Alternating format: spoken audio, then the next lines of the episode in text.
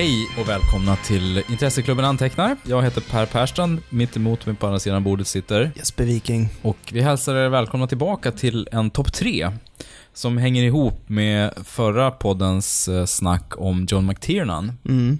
Eller snarare avsaknaden av en viss film i hans Ja, precis.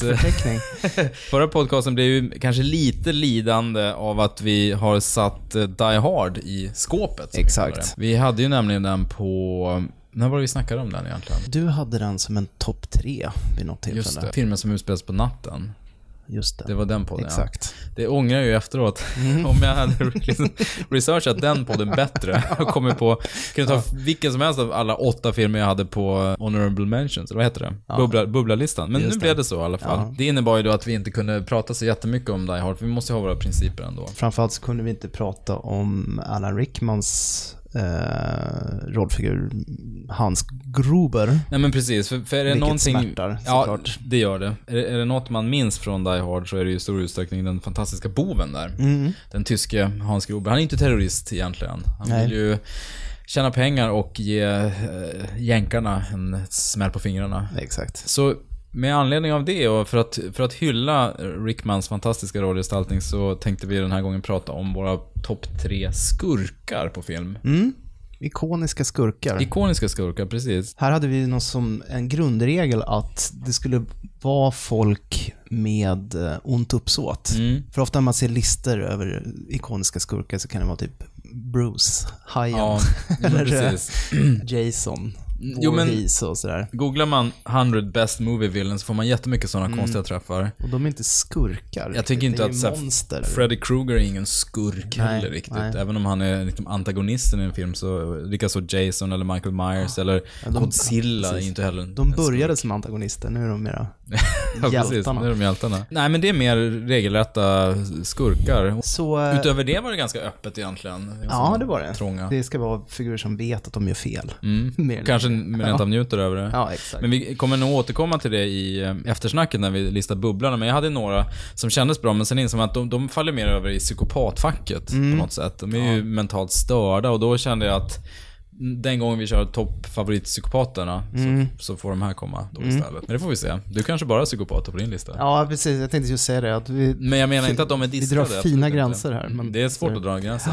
Eh, nej, det har jag faktiskt inte. Men eh, jag låter dig börja helt enkelt. Snällt va? Min topp tre, eller min trea på den här topplistan är eh, Eddie the Dane, Millers Crossing. Ah, From the makers of Blood Simple and Raising Arizona, a world where nothing is what it seems to be. Leo, is he still the boss?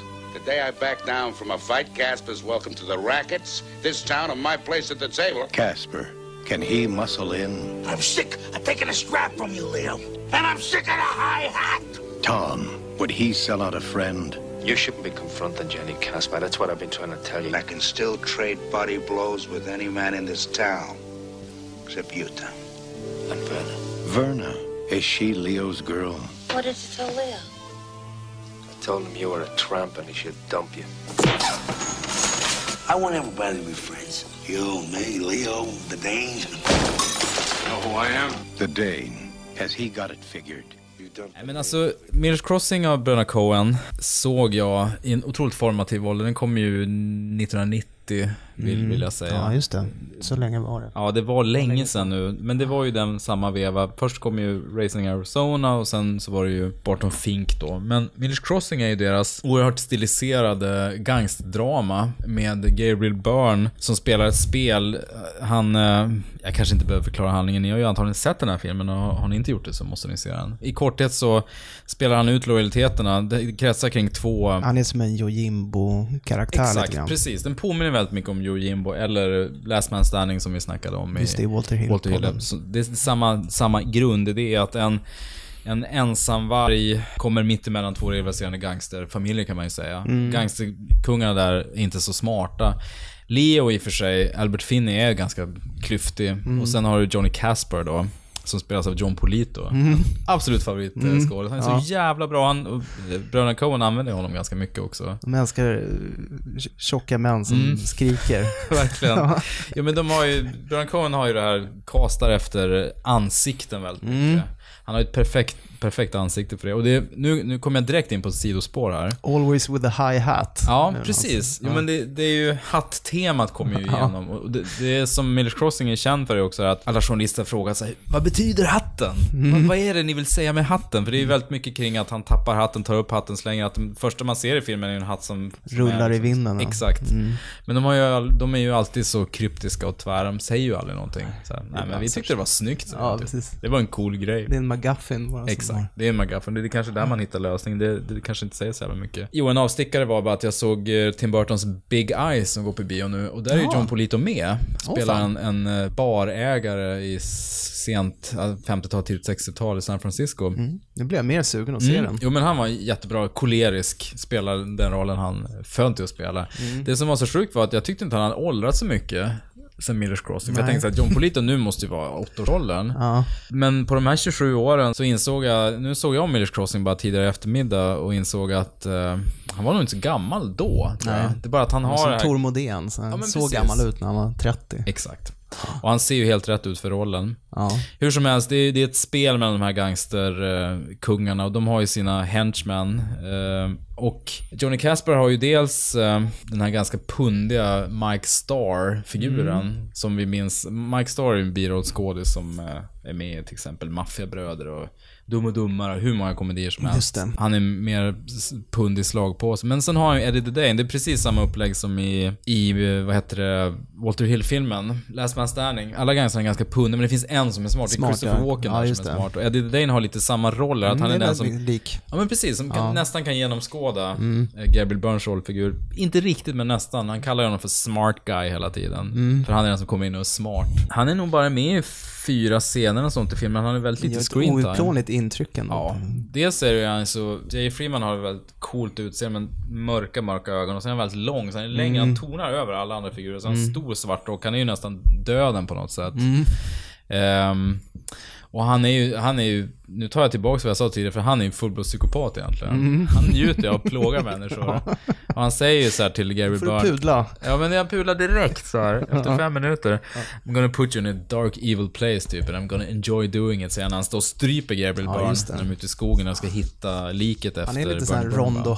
Hutton-figur. Här stor, Mm. stort monstrum nästan. De har ju hittat tonen så bra, de, och språket och dialogen är ju makalöst snyggt. Man får ju känslan av att de pratar som gangsters gjorde på 30-talet. Det är väldigt stiliserat, men antagligen är det bara de som har hittat på det utifrån alla gangsterfilmer de själva har sett på 30-40-talet. Så här. Men det är så jäkla... Det är så snyggt, det är så kärnfullt. Eddie the Dane är ju med i några av de här köttigaste scenerna egentligen. Den scen där han tyvärr möter sitt öde är ju så otroligt eh, uppskruvad och nästan överdrivet eh, teatralisk. Konstiga vinklar hela tiden. Den här brottaren sitter och skriker hela Ja, tiden. just det. Och vrålar. Ja, han sitter bara och vrålar. I sin underskjorta eller vad? Det är den, han, han, hans enda sätt att hantera situationen är bara ah! Det. Han sitter precis i så jättesmutsigt linne. Ja. Gabriel Byrne genom nick bara slutar han så han lyder honom. Han är som ett djur egentligen. Ja. En hund eller någonting. Nej men det är en jättesnygg scen när Eddie Dane är hemma hos Gabriel Byrnes eh, donna där, Marshall Gay Harden. Och eh, han, ja han ska väl, han spöar ju upp henne egentligen. Och så kommer det två tags från, eh, som är utskickade av Leo. Mm. Som han snabbt vänder. Det är en ikonisk bild när han tar tag i henne med ena armen, svingar runt Just med det, sin med långa puffran, rock. ja. Med puffran. Ja. Sätter ett skott eh, i benet på den ena så han ramlar ihop. Och den andra kutar runt hörnet. Då vrider han bara pickan ungefär 30 grader, så skjuter han genom väggen. Mm. Och sen är det alldeles stilla i fem sekunder. Och sen dråsar han ner den. Ja, han skjuter dem genom väggen. Det är så jävla snyggt. Sen går han fram så här eh, till den andra snubben och får lite information och sen avrättar honom bara. Mm. Han är, han är, han är ett, ett vidrigt as verkligen. Mm. Men han har lämnat ett, ett outplånligt intryck. Även om han bara har en biroll i den här filmen så är han så otroligt bra och skurkaktig. Mm. Jag kommer inte riktigt ihåg vad, vad jag såg J. Freeman i senast. Han har ju haft Nej. eh, några andra väldigt smarriga biroller också. Jag kommer inte heller spontant på. Men nu när jag såg om Millers Crossing så märkte jag hur den består verkligen av ett pärlband av väldigt så minnesvärda scener. Det var ju första gången man såg Steve Buscemi till exempel. Mm. Ja. Som spelar den här Mink som pratar jättesnabbt. Eh, och så har hela, Vessla. Ja men han är ju som en vessla verkligen. Och så har du ju eh, den här berömda Danny Boy-sekvensen när två, två Tommy Gun eh, svingande underhuggare kommer ju hem till Leo då, Albert Finney, som ligger och röker cigarr i sängen. Vi Ja, och lyssnar på. Danny Och Boy lyssnar på på Danny Boy. trattgrammofon. Ja. På tyst sätt så, så offrar de ju hans vakt som ligger på nedervåningen. Mm. Så han faller ihop med en tänd cigarett, börjar brinna i en tidning. Finney ligger där och märker hur det börjar ryka genom golvet. Mm. Och då lägger han ihop ett ett plus ett och förstår att det kommer hända någonting. Mm. Men han reser ju sakta, sätter fötterna i tofflorna, fimpar jättelångsamt sin cigarr så här. Ja. Och exakt när de här två bovarna rycker upp dörren, då rullar han ju under sängen. Mm. Och Just de det. kör en sån här Die Hard 2-grej, att de bara ska Kom fram! Eller Die Hard 1 eller Han skjuter genom bordet så här, Ja. du vet. Istället för att bara gå fram så ska, som ska vara, vara mäktig Mäkt- bara brrrt. Och han ligger bara mittemellan, pangar den ena i foten så han ramlar ihop och sen sätter han ett skott i huvudet på honom. Ja, just det. Och det här var ju en av de första riktigt blodiga filmer jag såg, för det är väldigt grafiskt våld i den. Mm, det är alltså riktigt, riktigt otäckt. Så här köttigt, så och man känner att det gör ont. Så det är minnesvärd film på många sätt. Det var ju det var ju ett sidospår. Men Det är en fin hommage till det här Leones, den här eh, scenen i eh, God, onde, fulare, va? När Clinton sitter på hotellrummet där och det kommer två gangster som ska avrätta Just honom. De håller på med något, eh, jo just det, det är en massa soldater som marscherar utanför. Så slutar de marschera precis så att han hör när de knirrar i golvbrädorna utanför. Samma upplägg. Jag kan tänka mig att det är en fin Mm. Det är det. nick till. Absolut, och sen, jag insåg det nu när jag såg om den att första scenen är ju, sitter de ju i ett mörkt rum, Gabriel Byrne med en av gangsterbossarna det är väldigt mycket Gudfadern-stämning över Mm. det, i liten skala. Och mycket av filmen är ju att sit, han sitter i kontoret och snackar med de här, Jaha. spelar ut dem mot varandra. Mm. Nej, fantastisk film och en fantastisk skurk, så att det, det är min trea, Eddie Mm. Dane. Sen så, jag vet inte, Jättebra val för jag hade aldrig kommit på det själv. nej men Men när du säger det så är det ju självklart. sit, han sitter liksom i järnbarken. Ja, Lite ja, bortglömd bo, men väldigt bra. Fint. Mm. Jo, eh, mitt tredje val. Och det här är ju mycket då också apropå att vi inte kunde snacka om Hans Gruber.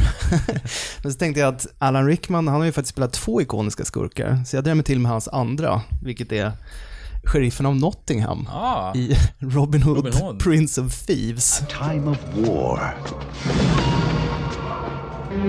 A time of homecoming.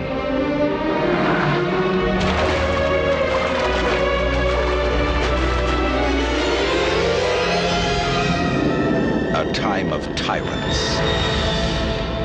A time when the only way to uphold justice was to break the law.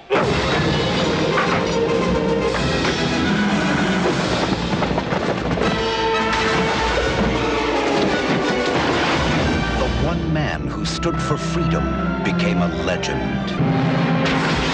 Kevin Costner, Morgan Freeman, Christian Slater, Alan Rickman, and Mary Elizabeth Mastrantonio. Robin Hood, Prince of Thieves. Prince of Thieves var ju ingen bra film, det tror jag vi kan enas om. Jag tror liksom att man är mer förtjust i minnet av den Men jag tror då i än den, eh, i filmen den, i sig. den kom ju samma veva som Dansa med vargar, väl? Och Kevin Costner var på något vis, Man får ju komma ihåg det. Det här var ju verkligen peak Costner. Ja. Han hade gjort Dansa med vargar. Eh, vajrar, höll jag på att säga. Det är Hongkong-filmer. Dansa med va- eh, vargar, eh, det var väl året innan tror jag. Mm. Och sen så hade han gjort, eh, eller så gjorde han eh, Bodyguard året efter tror jag. Mm, Så det här var en, en när han var som, verkligen var som störst. Mm. var ju just när han gjorde Robin Hood-filmen. Robin Hood med hockeyfrilla och amerikansk... eh, Ja, precis. Så British Lord.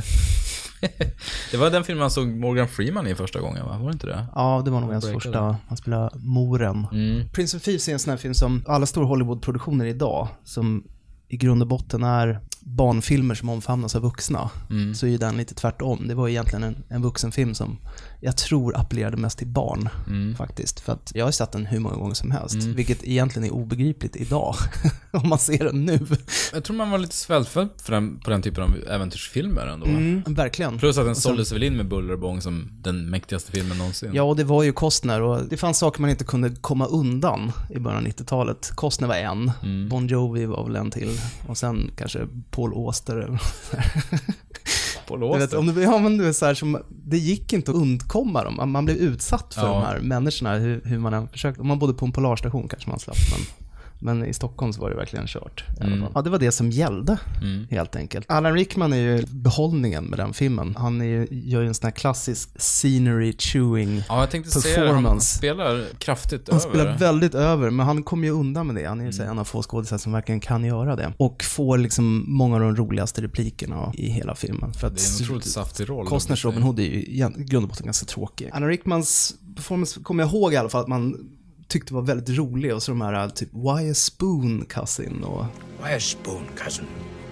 Why not an axe? Because it's dull, you twit. It'll hurt more. och många sådana här komiska dialogpartier. Sen så urartar det tyvärr på slutet i den här misslyckade försöket att göra en komisk våldtäktsscen. Kommer du ihåg det? Nej, det har, det har jag glömt. Han ska ju våldta Lady Marion, Är det Mary Elizabeth Mastrantonio? Master Antonio, precis. Och så försöker de göra någon sorts rolig scen av det, att han inte får upp den och ska tvinga isär hennes ben och det är jätteobehagligt, hela, hela grejen. Men jag, liksom, det satt man ju och tyckte var lite småkul då. Mm. Mycket märkligt faktiskt. Skulle inte passerat eh, idag. Nej, det hade det skulle verkligen inte inte kommit gjort. längre än manusstadiet. Nej, om ens det. Så där faller det såklart. Men eh, Prince of Thieves och framförallt Rickmans performance var ju väldigt så här, eh, är det någonting man minns från den filmen så är det just han. Och det är också just för att han var så himla over the top. Och sen är det ju någonting med, alltså själva sinnebilden för tidigt 90-tal är ju verkligen Master Antonio och Kevin Costner står på en flodbank och håller hand och så hör man Brian Adams sjunga. Did you, You can't tell me it's not worth dying for.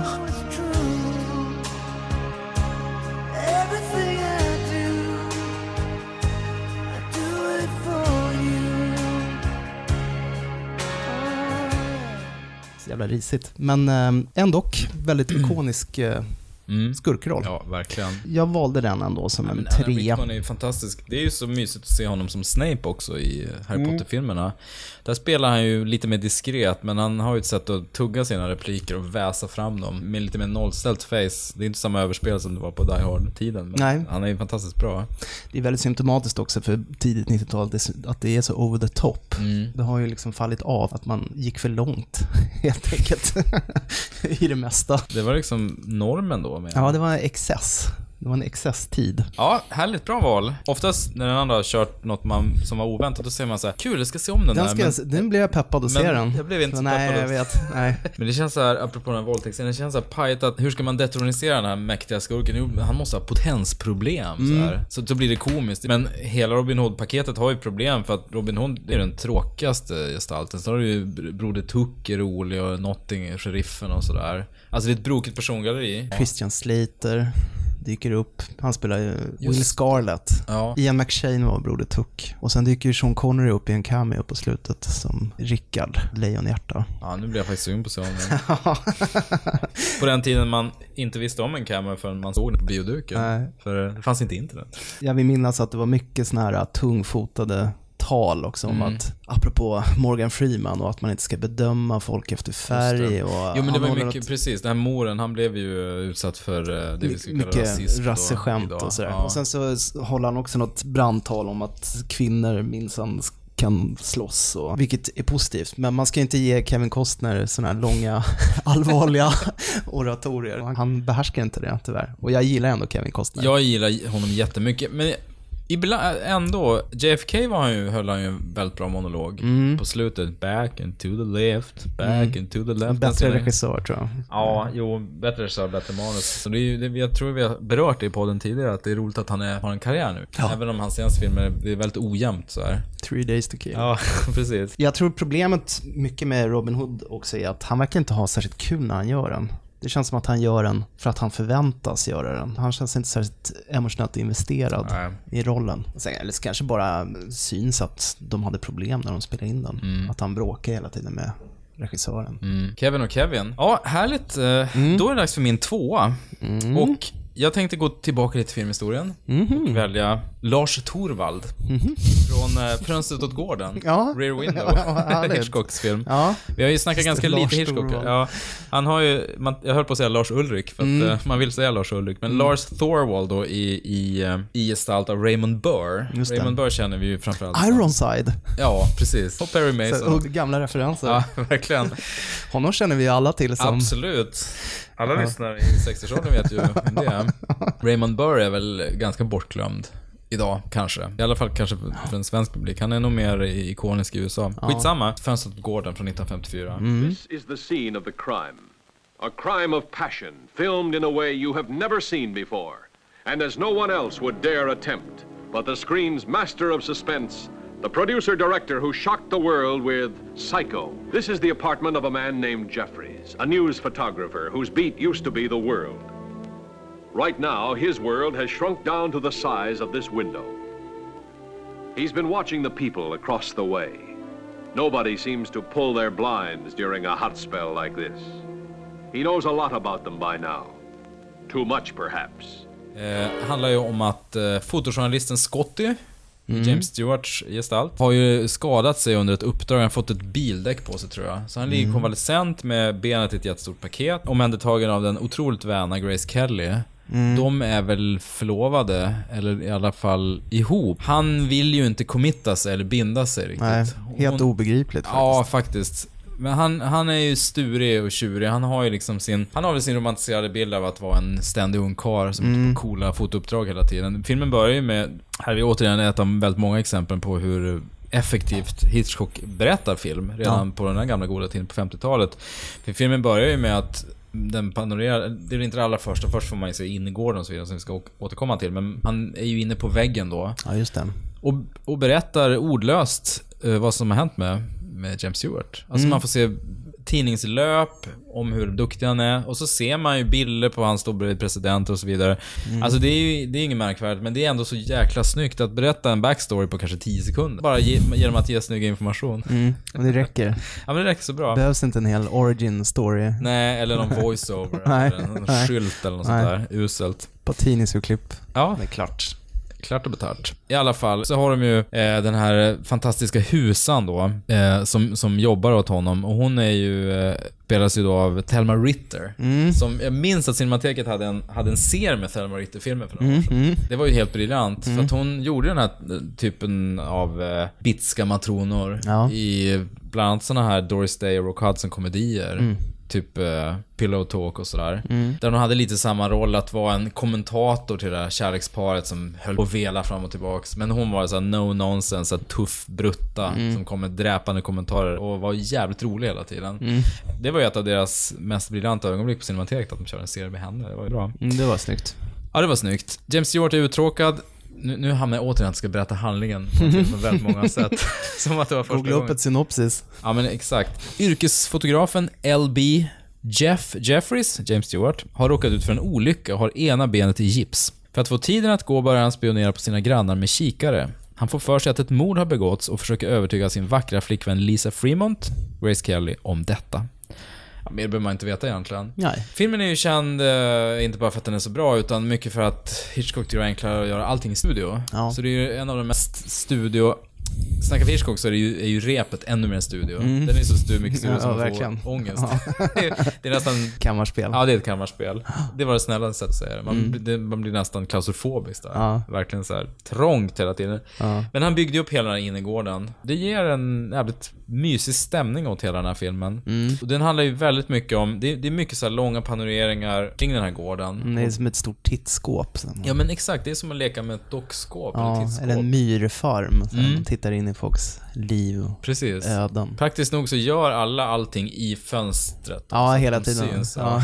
ja. så det är väldigt bra så tillvida att man kan se vad alla gör hela tiden.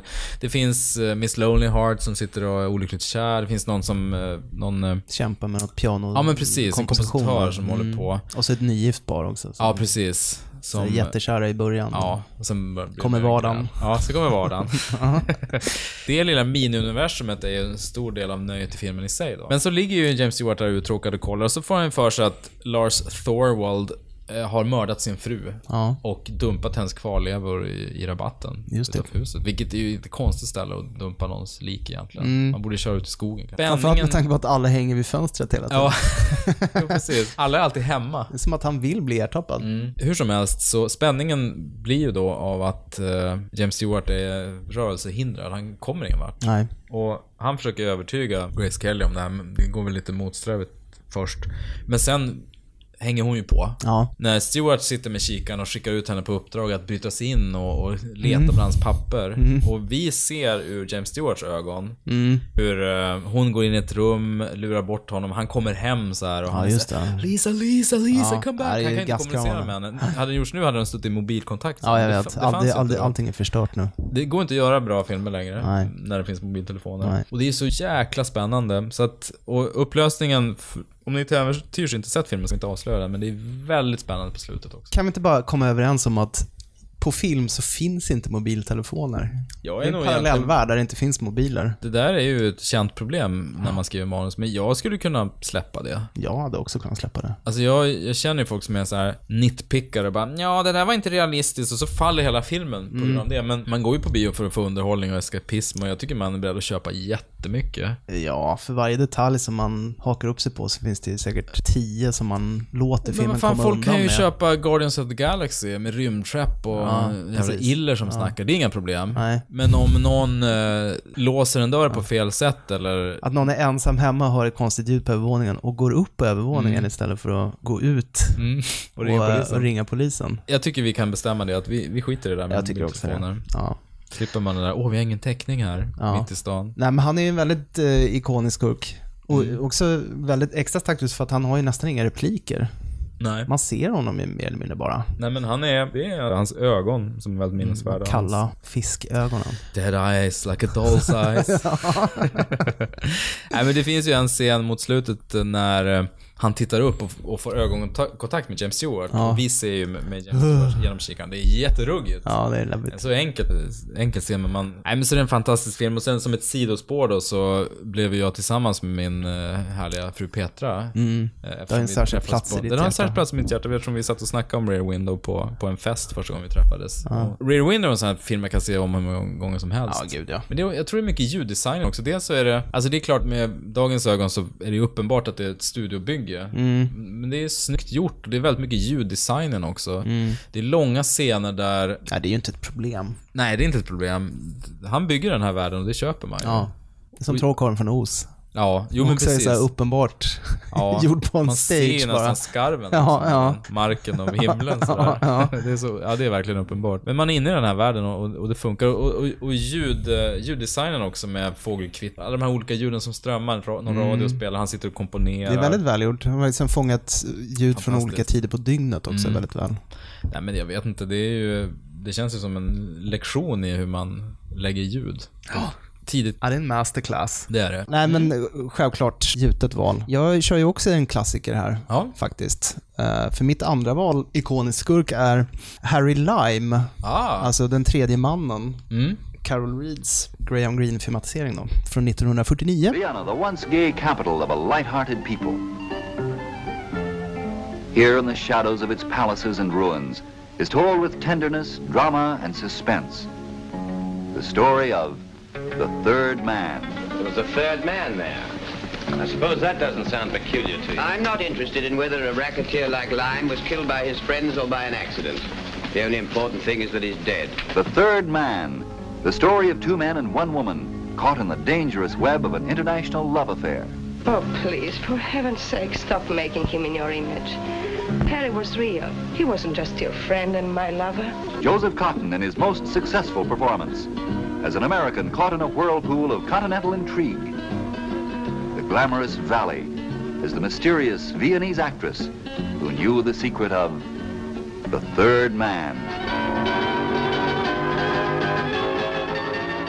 Harry Lime är en sån här superikonisk eh, skurk för mig för att han är ju, egentligen är han ju någon sorts prototyp för den här typen av antihjälte som vi har pratat lite om på sistone. Det här att skurkar blir liksom den nya hjälten. Mm. Eh, för att hela styrkan i filmen och delvis i boken också är ju att Harry Lime är charmig. Han har liksom smarta repliker och man sympatiserar ju med honom på något sätt. Eller man känner ju någon sorts sympatier för Mm. Harry Lime. Trots att han egentligen är ett as. Mm. Han är, säljer ju, vad är det, penicillin tror jag på svarta marknaden. Nej, men den utspelar sig i efterkrigstidens Wien, alltså i Österrike, eh, som fortfarande var uppdelad i ockupationszoner efter att eh, segermakterna vann kriget. Då.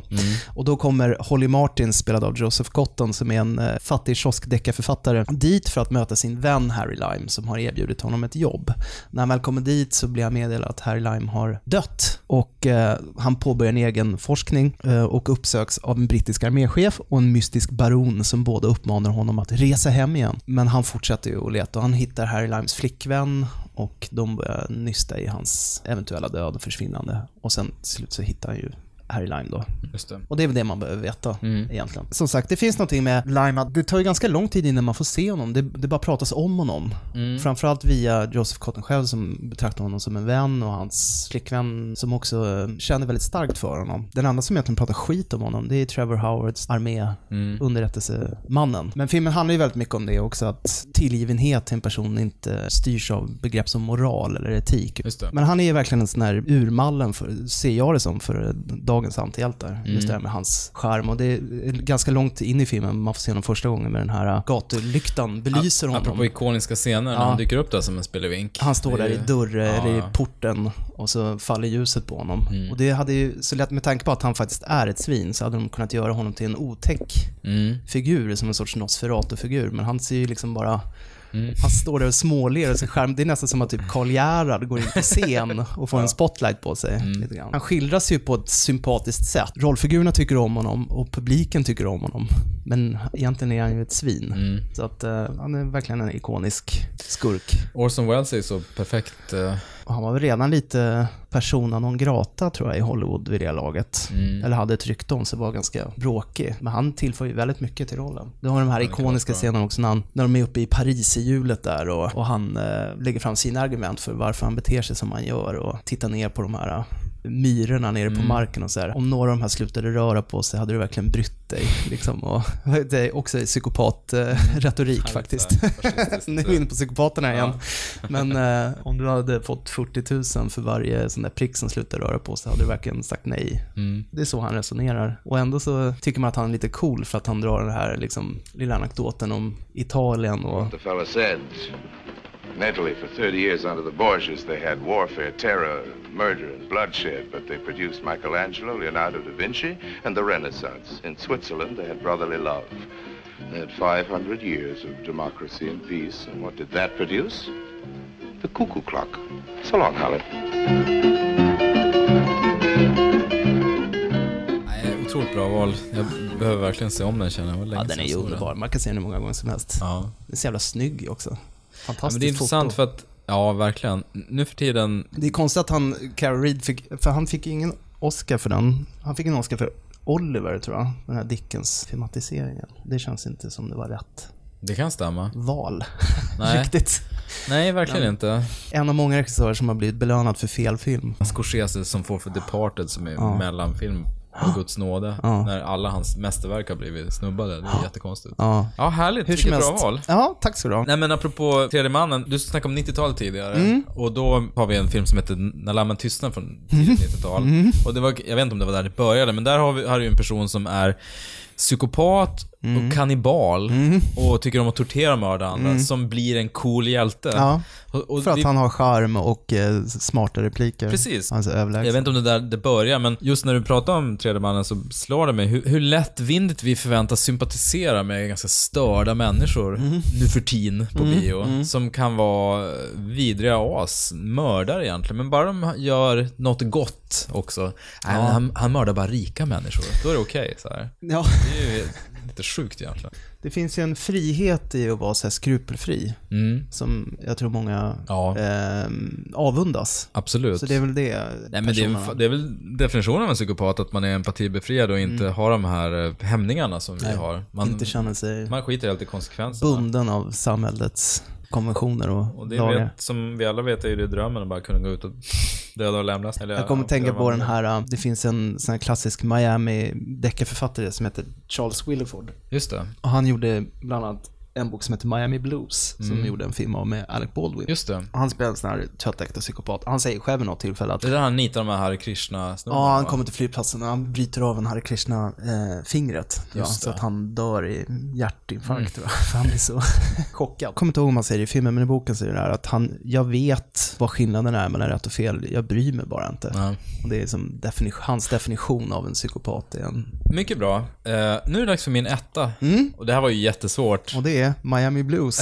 Med Det, är- Alec Baldwin gestaltar en snubbe Ja, som eh, stöter bryter på en. Krishna. Ja, det, det är, jag blir fnissad. Det, var många filmer jag valde bort och nu börjar jag nästan sväva på målet. Men jag tar det här nu, för Ja. att det här gav ett eh, starkt intryck på mig. Mm. Filmen, om vi, om vi börjar då. Regissören heter Guillermo del Toro. Mm. Vilken film kan det vara? Svårt? Ja, ehm, ja men du, tänker du på uh, Pans labyrint? Jajamän. Den fascistiska... Kapitan Vidal. Ja, exakt. Vad fint. Ja, jag var tvungen att ta honom. Ja. Alltså, Pans labyrint, Guillermo del Toros genombrott kan man väl kanske säga, 2006. Alltså den här scenen när han dricker whisky och har fått mungipan Ja, och uppstick- det rinner, Och det kommer ut, ja. åh vad hemskt det är. when hope was bleak. There lived a young girl whose only escape was in a legend that wanted her back.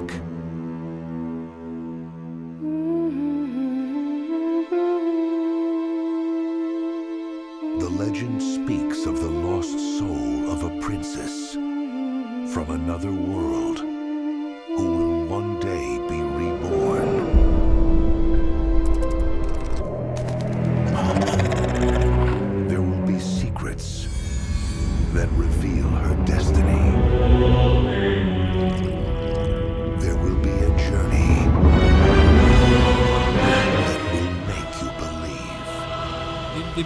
handlingen lite snabbt bara. Filmen handlar om den 13-åriga flickan Ofelia som tillsammans med sin mamma flyttar upp i bergen där hennes man, falangistkaptenen Vidal, deltar i bekämpandet av den lokala kommunistiska motståndsrörelsen. Handlingen utspelar sig i maj-juni 1944 under Franco-regimens förföljelse av de kvarvarande motståndarna från spanska inbördeskriget. Mm. Ganska torr säljtext det här. Mm.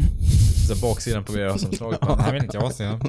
Medan striderna fortgår upptäcker Ofelia en igenvuxen labyrint i närheten av deras bostad. Där möter hon labyrintens väktare, den grekiska mytologins Pan. Now we're talking. Ja, nu börjar hända grejer. En heligud från Arkadien. Han påstår att hon är den underjordiska kungens bortkomna dotter i en annan skepnad och för att bekräfta detta utsätts hon för tre farliga uppdrag. Det är så här grooming-taktik där. Ja, precis. Jag har en ny läsning av det. Det är obehagligt nästan. Mm. Och då har vi inte ens nämnt den här figuren med ögonen på Ja, händerna. Som är uff, så, just ja, det. är jävligt obehagligt. Just den här Kapitan Vidal-figuren är ju så genomond. Han är så Mm. fruktansvärt vidrig och det blir ju en extra dimension när någon är elak mot ett barn också. Ja. För det vet vi ju. Vill man signalera att någon är riktigt, riktigt jävlig, eh, då är det ju för att de utsätter barn för våld. Och det är ju så fruktansvärt tabubelagt i, inom amerikansk film till exempel. Ja. Det, menar, amerikansk film, som Åsa också gärna påpekar, är att de kan inte ens säga om någon har dött eller ej på, eh, i USA. Nej. det är så här, is she... She didn't make Yeah. it. Ja, precis. de, de säger aldrig död. Nej. Eller he died. Eller så här. I Sverige anses vi vara så himla rädda för det där, jag kan inte Mm. prata om det, det är fan värre där. Anywho, vi har ju det klassiska exemplet eh, från vår kära John Carpenter, Mm. som ni för övrigt kan lyssna på en hel podcast om. Mhm. Vi letar upp vår första. Ja. Eh, Snickarglädje. Med allt vad det innebär. Ja, lite barnsjukdomar kanske. Men jag vet inte, hur, det var länge sedan jag lyssnade på den, men vi hoppas att den jag står står- jag står för det. Ja, för fan, det gör vi. Hur som helst, där har vi den klassiska scenen med bovarna som helt iskallt bara avrättar en liten söt flicka Ja, i klänning. Mm. Och det är ju det är väldigt ovanligt att man ser den här typen av, av våld Mm. mot barn. Men den här mannen, inte nog med att han... Ja men precis. Han är ju en riktigt så vidrig soldat. Mm. Nej men han är bara helt fruktansvärd. Precis som du sa den här scenen, han skär, skär upp kinden också. Åh, den lilla mungipan och det Ja. ska... Och vad är det han typ bara tejpar ihop det eller? Mm, jag tror han gör det. Man kan känna hur det svider också när den här spriten kommer in i såret. Precis. Jag är helt svag när jag tänker på det. Jag är så blödig när det gäller sånt där. Mm. Det är som, återigen, Black Swan och det här med nagel. Ja, jag fixar inte sånt. Nej, just den här typen av liksom, hudnära vardags... Body horror. Body horror. Det, det, det blir en podd förresten. Jag har inte sett den här filmen i princip sedan den kom. Nej. Eh, och den, nu höll jag på att säga slog ner som en bomb, men i nördkretsar kan man ju säga att den gjorde det ändå. Mm. För Guillermo del Toro var inte känd i Sverige riktigt Nej. Han hade gjort den här eh, The Devil's Backbone, va? Mm. Eh, som också är jävligt bra. Där var ju spökfilm topp tre nästan. Mm, Också Eh, en fascist, eh, Ja, eller men Franco precis. tidsskildring. Mm, han gillar ju den eran. Och det är också fascinerande med Pans labyrint, just det här eh, som vi var inne på med McTiernan och Predator bland annat. Inga övriga jämförelser kanske, men det här med när man kastar upp en massa genrer. Du har Mm. liksom krigsfilm, total fantasyfilm, du har det här eh, barnet som, den här Harry Potter-tematiken, att man är utvald till någonting större. Mm. Man är inte bara den här värdelösa människan, utan man, man har något större egentligen. Man Ja. måste genomgå en massa prov. Mm. Eh, Så det Hero's fantiserade ju Journey. själv. Egentligen är jag bortbyting och Mm. mina miljardärsföräldrar Jo, kommer precis. hitta mig en vacker dag. Egentligen är jag inte ja. den här. Det är något mer.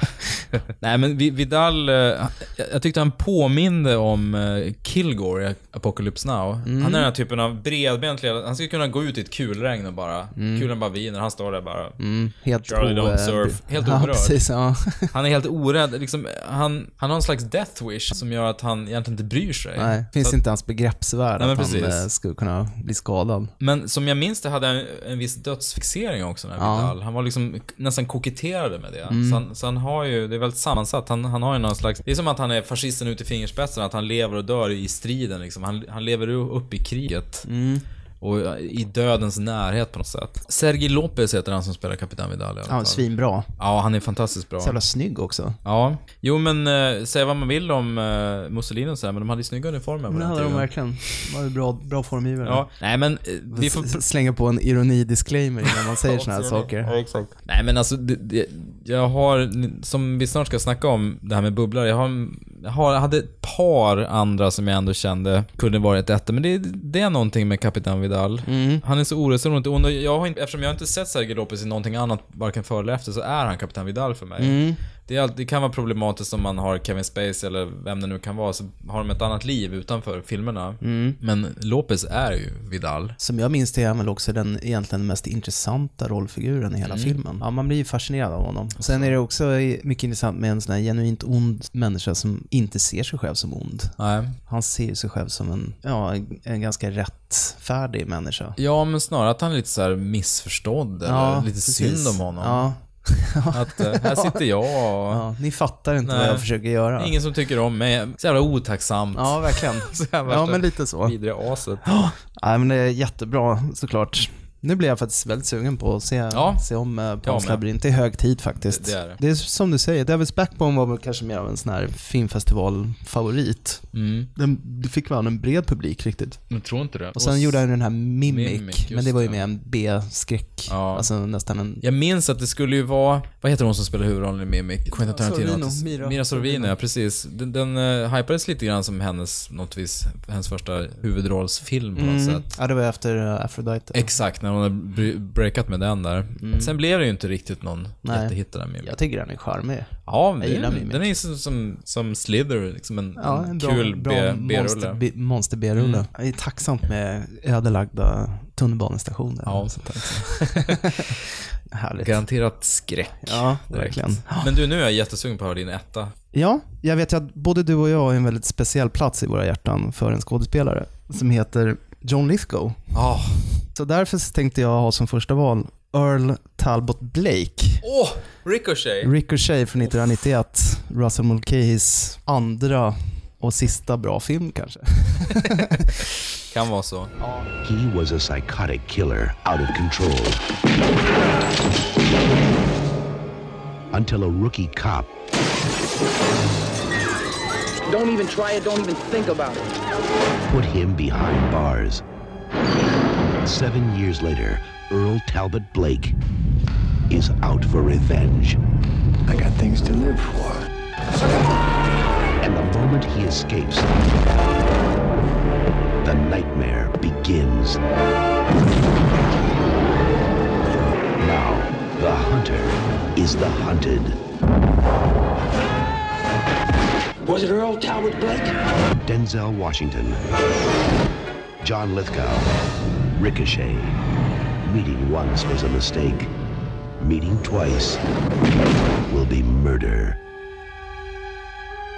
Vi har ju pratat om den här filmen tidigare. Jag tror till och med att vi vid något tillfälle planerade att göra en hel podd bara om den, för att vi hade så goda minnen av den. Sen såg vi om den Mm. Ja. och insåg att den är ganska sjaskig. Nej men någonstans egentligen. när Blake så säger smutsig. såhär Nästa gång ska knulla din tjej får en papperspåse på huvudet på henne när jag är klar med henne. Ja, Då precis. så här, Ja. Nej, jag vet, det var dags att omvärdera liksom, dialogen och mycket. Men det här är bra, för eftersom du listar den nu så är den i skåpet då. Ska vi verkligen ha Die Hard och Ricochet stå bredvid varandra i skåpet? Det känns som det att då dör hela konceptet. Ja, Nej men. Earl Talbot Blake i alla fall är i min mening verkligen en ikonisk skurk. John Lithgow är ju en sån här skådis som har fått spela skurk lite för sällan nästan. Mm. Eh, Med tanke på hur mycket han har gjort. Jag vet inte om det var skurkdebut för honom i Blowout, De Palmas Ja, film. där är han ju liksom lönnmördare. Ja. Ganska sleazy Och väldigt också. obehaglig. Ja. ja, alltså, man kan ju tänka sig att han nästan skulle bli typecastad efter det. Bara för att spela den här typen av psykon. Ja, men sen fick han ju tredje klotet från solen och sen det. efter det så har han ju spelat mysfarbröder, Mm. mer eller mindre. Och sen har ju hans filmkarriär dalat av, kan man ju säga. Men han har ägnat sig mycket åt teater och, och gör mycket barnskivor Mm. och sånt så där. Skrattande mysig. polisen och sånt där. Men nu har han ju, hans senaste är ju den här eh, filmen om två liksom medelålders gay-snubbar. Mm, jag var är- jättesugen på att se Ja, den. den verkar ju fin. Det var han och Molina, eller vad var Exakt, det? han från Molina. Just det. Nej men Ricochet handlar i alla fall om att eh, John Lithgows rollfigur, eh, Talbot Blake då, han är en av USAs värsta massmördare. Det är inte nog bara en massmördare, han är Nej, han är värsta massmördarna. Och när den unge polisen Nick Stiles, spelad av Denzel Washington, Mm. lyckas ta fast honom så blir han eh, nationens stora hjälte och Mm. gör kometkarriär och blir, vad är det, assistant DA, Mm, det. distrikt, biträdande distriktsåklagare. Mm. Gör stor politisk karriär i alla fall. Medan Talbot Blake sitter på kåken och är bara fullständigt besatt av att hämnas Mm. på eh, Denzels eh, rollfigur. Sen så lyckas han fly från kåken och iscensätter någon sorts diabolisk plan att Mm. ge igen och utsätta Denzel för en sorts Jobs prövning kan man Mm. väl säga. Jo men precis, det är precis som i, i Cape Fear som vi ägnade Mm, en podd åt. ja. Att han, han ska inte bara hitta honom och skjuta honom eller Nej, han ska verkligen utsätta honom för metodiskt plågerier. förstöra hans liv. På alla plan. Förstöra hans karriär, förstöra hans, Hans äktenskap, rykte, hans äktenskap, rykte. ja, Det är ju rätt raffinerat, han eh, drogar ju honom och ah, Mm. arrangerar bilder där han har sex med en prostituerad. Just det, som ger honom klamydia också. Ja. Så att han... Det är den typen av film. När Ja, det pratas mycket ja. om att han får klamydia. Ja, återigen 91. Ja, det här var ju- slaskigt på den tiden. Alltså tidiga, slutet av 80-talet, tidiga 90-talet, då gjorde man ju filmer på, som var lite sjaskigare, lite mörkare Mm. och mycket brutalare Där- än vad man där- gör där film har idag. vi ju både, både Walter Hill och uh, Verhoeven som vi inte har snackat om Ja, verkligen. Och, och, ju och, typ, och den här är ju Joel Silver-producerad också. Ja. Han var ju väldigt, nästan alla hans filmer bär ju den stämpeln. Mm. Det är ju inte bara att han är så pass, för att John Lithgow apropå scenery chewing acting, för han är ju verkligen, och i den här filmen inte minst, går han ju loss verkligen. verkligen. På, eh, Mm. han, han ger sig in i den här eh, galna skurkrollen med, med hjärta och själ. Kan Han går in säga. 110 procent. Ja.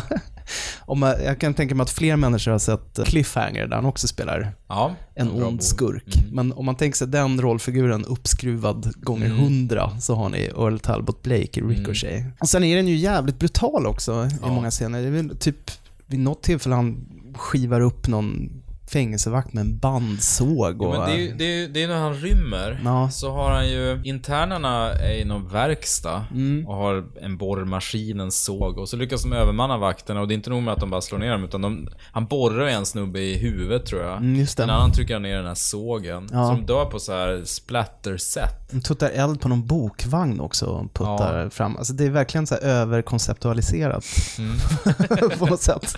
Jo. Som också är väldigt symptomatiskt för den här tiden. En stor del av filmen går ut på att Denzel Washington ska klä av sig Mm. också. För han var ju ung och, hade jävligt fin fysik då också. Så Ja. han, var ju, han var ju lite så här um, Just det. ögongodis. Så att han är ju, Denzel är ju i kalsongerna en stor del av filmen. Han är neddrogad och ska bli eh, smittad med, med könssjukdomar och då sker det i en, på botten av en tom inomhusbassäng. Så det kan inte vara i ett vanligt rum, det ska Mm. Vara i en tom bassäng. Alla standoffs ska ske upp i pariserhjul och... Alltså det är så men det är ju- extrema miljöer hela tiden som... Det är ju nästan Tony Scott-stämning Ja, i, faktiskt. i motljuset. Eh. Nej, men det, snabbt tänkte jag bara säga att... ehm, Sen är ju Earl Talbot Blake också ett jävligt bra scumbag-namn. Ja, jättebra. Alla skurkar som har typ tre namn är ju per definition ikoniska. Mm. Jo men som Arthur Lee Allen i Zodiac. Mm. Henry, Hen- Henry Lee Lucas i Portrait of a Serial Killer. Mm. Som vi ju snackade om. Just det. I seriemördare. Precis. Nej men det jag tänkte flika in det där klassiska också att de är i den här poolen Mm. och sen när den säljer hos poliserna dagen efter så, ja men jag ska visa vad det var, det var här det var. Mm. Och då är den fylld och... Nej men det här, vi har ägt det här i hundra år, jag har inte hört talas om någon som, va? Hur gjorde han? Han har nästan så här övernaturliga Ja, gåvor den ja. här gåvan, och kan täcka över allt. När han sätter dit uh, Talbot Blake första gången, det är då han ska hålla på så nej men jag har inga gömda vapen, kolla jag klär av mig här. Och så Mm. står han i kallingarna bara med sin jättebiceps Mm. Så här supershowy så blir han kändis. Mm. Han är den Just det, sexiga någon polisen. filmar det med sin... Precis. Och det här var innan mobilen också, så Mm. att då var det något som filmade med sån här uh, digicam. För lyssnarna så håller jag, jag håller upp handen här som en... Ja, precis. Som att du greppar den. Precis. En del av njutningen i filmen är att, är att Denzel, även om han är hjälten, är ganska olidlig. Mm. Han är ganska självgod. Så att det, Mm. det finns ett nöje i att se hur, hur Talbot Blake metodiskt plockar ner Bryter hans ner liv. honom, ja. Bryter ner Mm. honom, förstör honom, drogar honom. Lithgow bryter sig in i hans villa och går upp till barnens sovrum och sitter med dem och så här myser. Mm, just det. Och Och, drar en här, gullig historia om sitt hända? eh, läskiga öga. Mm, just för det. Han har, här- han har ju ett creepy öga Ja, också. ja, men han, han gör ingenting, men han vill bara visa att när som helst så kan jag gå in och bara döda dem med en yxa, men jag gör inte det nu. Ja. Vilket är ännu läskigare egentligen. Mm. Ja men det är någonting med Lithgow också. Både till fysik och ansikte ser han ju ut som en, en så här disträ litteraturprofessor. Jo. Han, han ser ju i grund och botten snäll ut. Mm. Och så har han den här nasala eh, rösten. Så fort han använder det för att uttrycka osympatiska saker så blir det så Mm. otroligt obehagligt. Man kan bli mörkrädd för John Lithgow när han är Ja. som bäst. Jag är helt chockad, jag, jag tänkte inte på honom. Tur att du täckte in honom. Mm. Nej men Earl Talbot Blake, Ricochet, det är ju verkligen en, eh, en väldigt tidstypisk film. Mm. Men eh, jag tycker ändå den är väl värd att se. Och inte minst just Absolut. för John Lithgows eh, insats. Det är en eh, paradroll för honom och det är också en sån här film som dyker upp lite då och då. Mm. Sena kvällar på femman eller sexan eller Mm. nian. Så jag tror tv-titeln brukar vara Besatt av hämnd, Mm. tror jag den heter på svenska. Men Ricochet, Vilket i och för sig är en ganska bra titel. Ja, Han är faktiskt. besatt han är besatt av hämnd. Han är också en sån här eh, Max Cady-figur som typ pluggar i fängelset och blir, sma- Ja. tränar, blir smartare och smartare och smartare för att Mm. till slut kunna utkräva den ultimata hämnden. Exakt.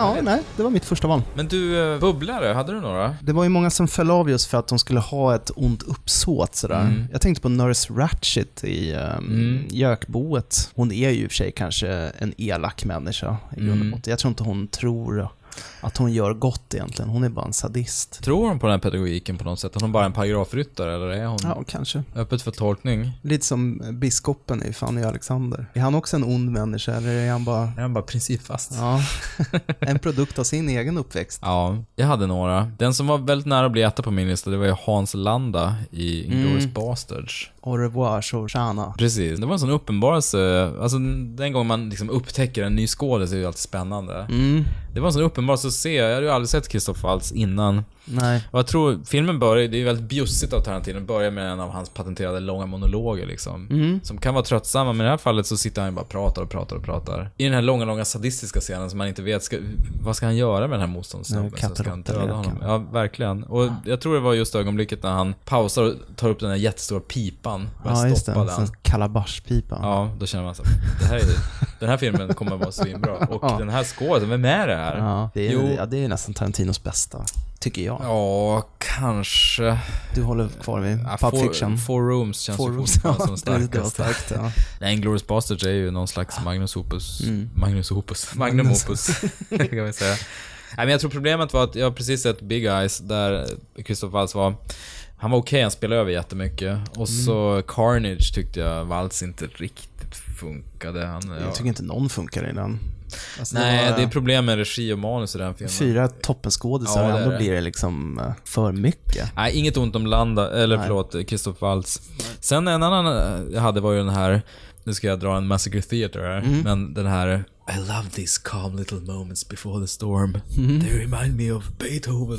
Alltså, Leon Stansfield Ja. i Leon. Ja, Nej, han heter ju inte, han heter Stansfield i efternamn Ja, i, i Leon. Gary Oldman är Gary Oldman, val. Jag precis. tänkte precis ta Drexel i True Romance. Drex Spivey, ja just det. Också han har bra. också varit en ikonisk skurk. Jo men Gary Oldman, han är ju nästan värd en egen podd. Om man tycker att eh, eh, eh, skurkrollen han har i JFK är en skurkroll när han spelar... Eh, Mm.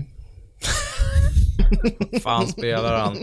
Han som mördade JFK. Lee Eller? Harvey Lee Oswald, ännu en, en skurk med tre Mm. namn. Nej men Stansfield i Leon var ju en het kandidat.